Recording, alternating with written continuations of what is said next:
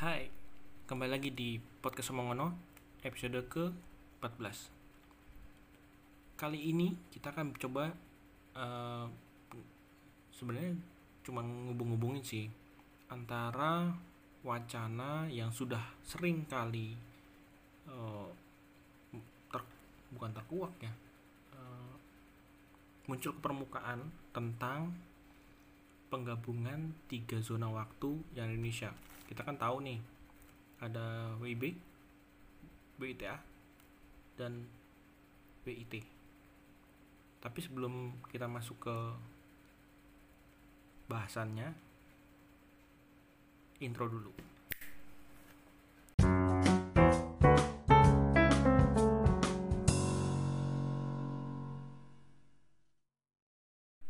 Oke, gagasan untuk menggabungkan tiga zona waktu yang ada di Indonesia itu sudah sering kali muncul ke permukaan dari zamannya pokoknya zaman zamannya Bapak Yusuf Kala jadi wakil presiden. Ya. Jadi ada ada usul bahwa harusnya Indonesia itu pakai satu zona waktu aja dengan tolak ukur WITA yaitu uh, GMT 8 ya plus 8 GMT plus 8 sedangkan Jakarta atau WIB itu kan GMT plus 7 sedang WIT itu GMT plus 9 selisihnya satu jam satu jam. Dengan dengan alasan bahwa jika dengan menggunakan satu zona waktu saja uh, ada kemungkinan keuntungan sosial dan ekonomi. Sosial yaitu lebih menyatukan bangsa ini. Terus uh, yang ekonomi adalah ada ada hmm, ada efektivitas bukan efektivitas sih jadi tidak ada pem, tidak ada kesenjangan waktu antara satu satu misalnya antara antara wilayah lah intinya. Jadi kalau misalnya misalnya uh, kerja 8 jam ya semua uh, rata gitu dari jam 8 sampai jam 5 gitu. Atau jam 8 atau jam 9 sampai jam 5 lah. Nah tapi yang lucu adalah kalau misalnya kita pakai WITA which is akan sangat uh, buru-buru banget kalau misalnya kalian hidup di WIB di daerah daerah GM 7 di mana kalau misalnya semua diratakan kita masuk sekolah jam 7 lah misalnya. Berarti kan di WIB harus masuk jam 6 secara jam biologisnya. Ya masa baru bangun belum mandi terus langsung berangkat. Waduh gak kebayang deh kalau misalnya di sekolahan uh, pada belum mandi masih banyak iler dan masih matanya masih sipit-sipit karena belek masih nempel. Itu juga yang bisa terjadi kalau uh, jam 8 ya kalau misalnya di WIT kan jadi jam 8 udah siang banget udah terlalu siang untuk sekolah. Itu mungkin ini pas ya buat anak-anak yang emang uh, senang bangun siang. Tapi percaya atau enggak kalau misalnya kita kita berangkat sekolah jam 7 mungkin kita ngantuk. Kita ngantuk di awal-awal tapi lama kelamaan kan pasti melek-melek juga. Nah kalau sudah siang ini ini kepala udah keburu panas duluan nih bro. Otak udah keburu panas duluan jadi akibatnya apa? Pembelajaran nggak bakal efektif.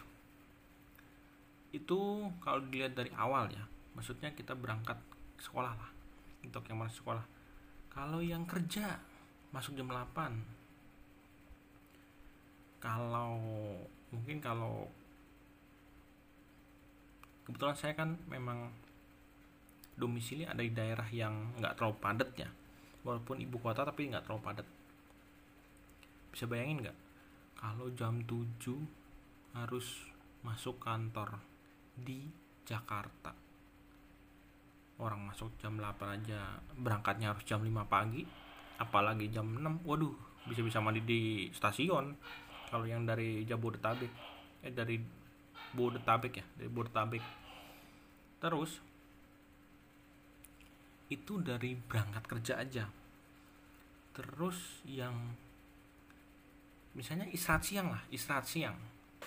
Kalau di WTA normal jam 12 kalau di WIB jam 11 oke okay lah masih oke oke lah kalau misalnya jam 11 kita makan ya. Sedangkan uh, mungkin kita nggak sempat sarapan kalau pagi kan kita makan siang lebih awal. Jadi uh, perut perut keloncongan antar uh, pagi sampai siang itu nggak terlalu lama. Tapi bayangin yang di WIT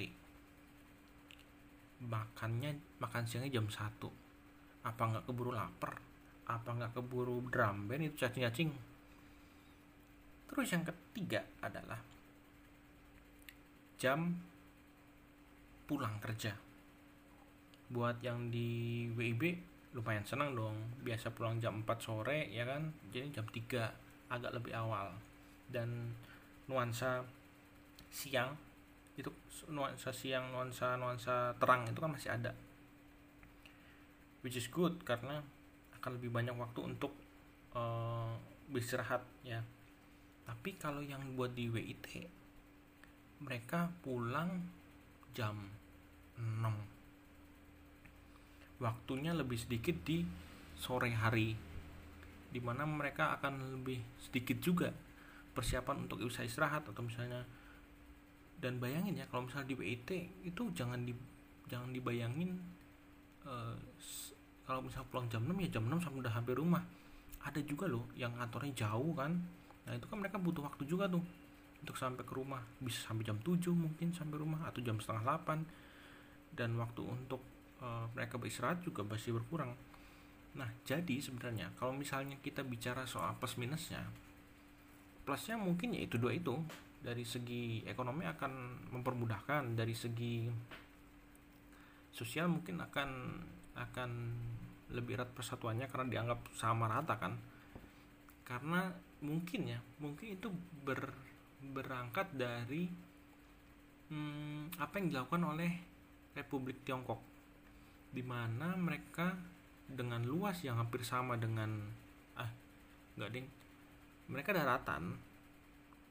Cuma kalau dijajarkan ke Indonesia, ketika kita ketika pakai ukuran asli dari uh, wilayah negara itu, memang jatuhnya memang lebih luas dari ini, lebih luas Indonesia. Uh, dan lebih lebar lah Indonesia. Tapi secara nggak langsung uh, bisalah kita lihat bahwa Republik Tiongkok itu sebenarnya harusnya itu punya tiga tiga zona waktu juga. Cuman uh, tiga atau enam ya eh tiga itu kalau perbandingannya sama dengan Indonesia ya tapi kalau sebis tahun berapa pokoknya di abad ke 20 20 gitu setelah dinasti apa gitu runtuh uh, maka dipecahlah uh, Republik Tiongkok itu menjadi enam bagian enam bagian zona waktu ya. Terus kemudian ketika uh, partai sosialisnya itu apa mendapat kekuasaan maka Mao Zedong waktu itu uh, mengguna meng, menganggap bahwa dengan menggunakan satu garis waktu eh, satu satu garis waktu satu zona waktu. Itu membuat persatuan uh, Tiongkok sendiri gitu jadi uh, tadinya kan sering perang saudara nih setelah uh, pakai 6, 6, 6, 6 zona waktu ini dan pakai zona satu zona waktu pun berharap bahwa dengan satu zona waktu itu uh, which is hampir uh, pusat pemerintahannya dan pusat ekonominya itu ada di satu daerah sih. Jadi jadi sebenarnya kayak Jakarta lah. Itu kan ada di WIB semua. Nah itu kayak kayak gitu tuh modelnya.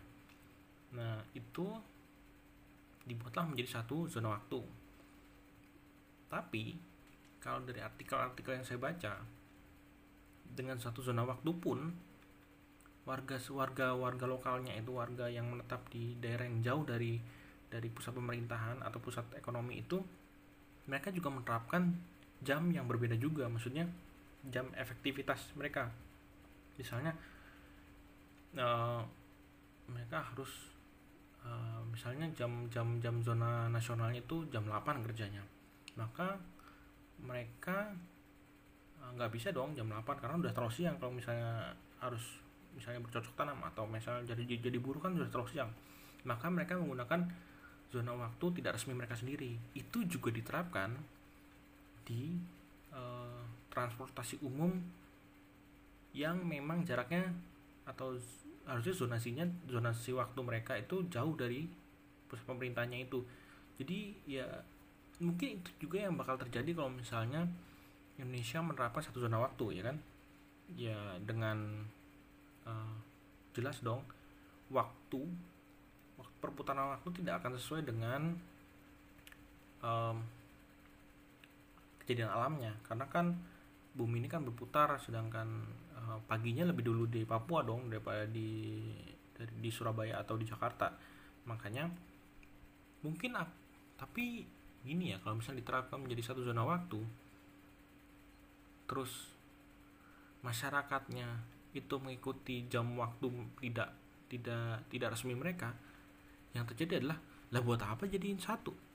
Buat apa dijadiin satu? Buat apa dijadiin uh, waktu standar nasional gitu loh yang pada akhirnya cuman uh, cuman jadi acak-acakan uh, pola dan aktivitas men, uh, masyarakatnya gitu loh.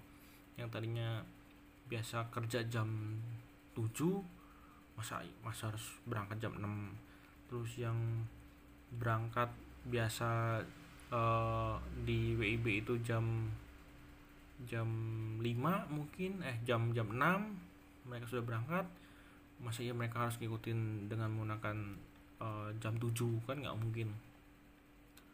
Jadi ya mungkin itu juga yang membuat usulan ini mentah terus. Sebenarnya dari 2012 terus 2009 2019 atau 2018 gitu sempat menguak lagi. Mentah lagi mentah lagi. Ya karena itu tadi nggak cocok dengan dengan keadaan alamnya.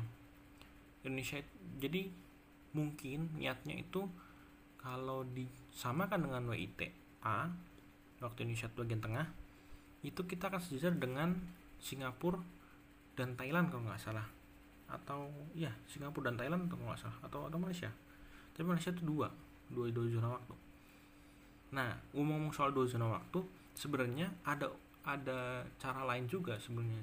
Selain dibagi menjadi menjadi satu jadikan satu itu bisa dibagi menjadi dua. E, jadi usulannya itu kalau nggak salah kalau saya baca dari makalah makalah ada satu makalah yang membicarakan pembagian zona waktu itu. E, kalau dibagi dua zona waktu Kalimantan itu tidak terbagi lagi menjadi WITA dan WIB jadi full masuk ke WIB sedangkan eh, Kalimantan ke arah timur itu masuk ke wilayah timur gitu loh. Nah, kalau menurut kalau dari bukan sebenarnya bukan makalah sih, lebih ke artikel artikel ulasan, artikel penelitian gitu loh. E, kalau dibagi menjadi dua, itu tidak ter, berpengaruh terlalu besar karena e,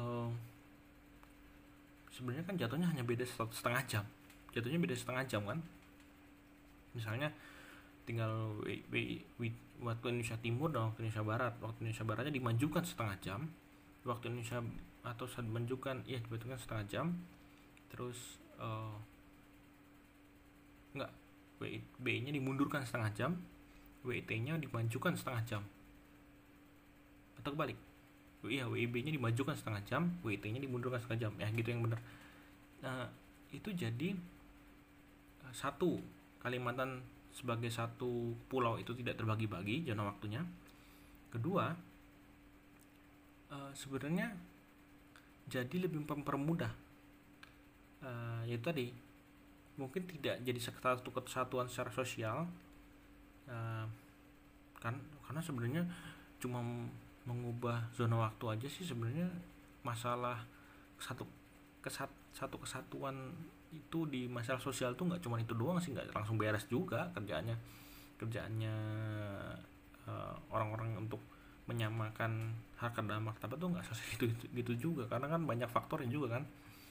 Nah kalau dibagi menjadi dua pertama tadi itu terus kedua um,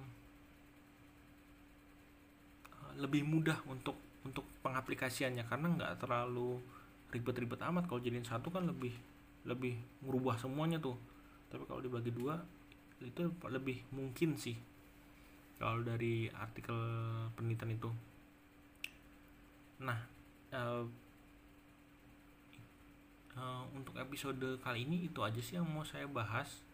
Karena uh, sebenarnya ini artikel ini tuh nggak begitu artikel musiman sebenarnya. Karena penggalakan untuk menjadi satu zonasi itu atau dua zonasi itu kemungkinan besar akan ada lagi di ke depannya. Karena kan apalagi pemerintahan pusat pemerintah mau pindah ke Kalimantan Timur ya. Di mana Kalimantan Timur kan masuk WITA kalau nggak salah. Nah kalau begitu kan jadi uh, kalau misalnya dibagi menjadi dua lebih mungkin. Tapi apakah nantinya bisa mengurangi kesenjangan secara ekonomi maupun sosialnya? Belum tentu artikel ini mungkin ke depan juga akan naik lagi. Jadi menurut saya sih podcast episode ke-14 ini bisa didengerin di di mungkin dua tahun lagi tiga tahun lagi. Mungkin masih relevan untuk didengarkan. So terima kasih yang sudah mendengarkan. Kita ketemu lagi di episode selanjutnya. Oh iya saya akan berusaha semaksimal mungkin supaya podcast omong ini bisa naik bisa up hmm, seminggu sekali tiap hari minggu ya oke okay. ciao